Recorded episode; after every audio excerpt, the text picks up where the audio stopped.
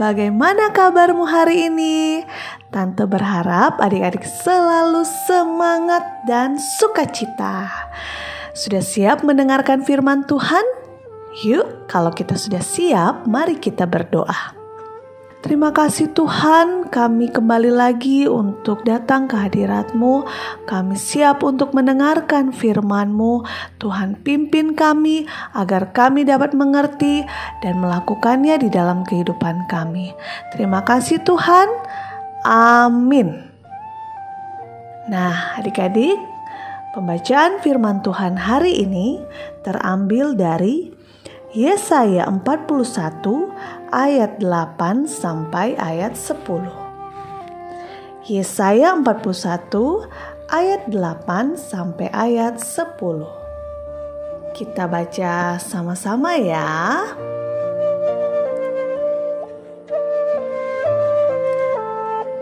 Tetapi engkau, hai Israel, hambaku, hai Yakub yang telah kupilih, keturunan Abraham yang kukasihi, engkau yang telah kuambil dari ujung-ujung bumi dan yang telah kupanggil dari penjuru-penjurunya. Aku berkata kepadamu, engkau hambaku, aku telah memilih engkau dan tidak menolak engkau. Janganlah takut, sebab aku menyertai engkau. Janganlah bimbang, sebab aku ini Alamu. Aku akan meneguhkan, bahkan akan menolong engkau. Aku akan memegang engkau dengan tangan kananku yang membawa kemenangan. Demikianlah pembacaan Firman Tuhan. Adik-adik, hari ini kita berkenalan dengan seorang tokoh bernama The Sauna Barber. Siapakah dia? The Sauna Barber adalah tentara perempuan Amerika pertama yang memenangkan gelar Miss USA 2016. Wow, perjalanan karirnya dalam kontes Ratu Kecantikan tidaklah mudah. Semua diawali dari seorang perempuan yang mengatakan bahwa Barber adalah perempuan yang sangat cantik dan bisa memenangkan kontes kecantikan Miss USA.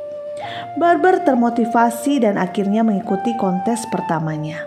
Hasilnya, ia kalah, namun Barber tidak menyerah.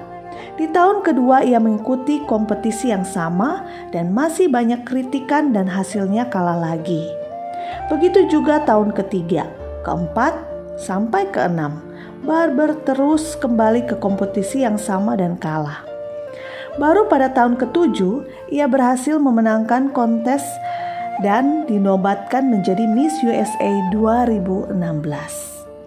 Hal yang membuatnya tidak menyerah adalah keyakinannya bahwa ia mampu menjadi seorang ratu kecantikan. Kekalahan dan hinaan dan penolakan yang dia terima dijadikan sebagai motivasi untuk menjadi lebih baik lagi.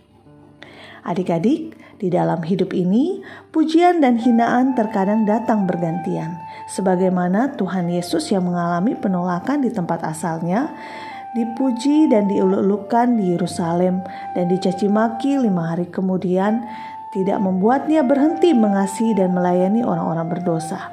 Puncak perjuangannya sebagai Allah dalam wujud manusia adalah ketika ia mendoakan orang-orang yang telah menganiaya dia di atas kayu salib.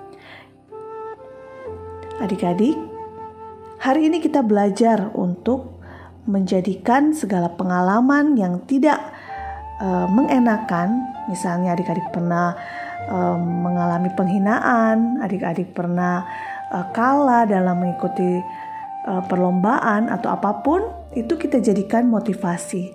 Dan kita selalu ingat bahwa ada Tuhan yang selalu menyertai kita dan memberikan kita kekuatan untuk menghadapi setiap masalah yang kita hadapi.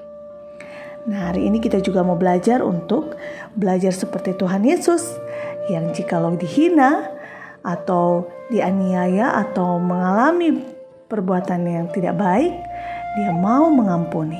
Kita juga mau belajar mengampuni, sama seperti Tuhan Yesus. Yuk, kita mau sama-sama mengucapkan, "Aku mau belajar dari teladan Yesus tetap mengasihi walau dihina. Sekali lagi ya, aku mau belajar dari teladan Yesus, tetap mengasihi walau dihina. Mari kita berdoa. Bapa di surga, berikan kami kasih seperti kasih Tuhan yang mampu mengampuni dan tetap mengasihi orang-orang yang telah menyakiti kami. Terima kasih ya Tuhan, dalam nama Tuhan Yesus kami berdoa. Amin. Nah, adik-adik, sekian renungan hari ini. Sampai jumpa besok ya. Dadah.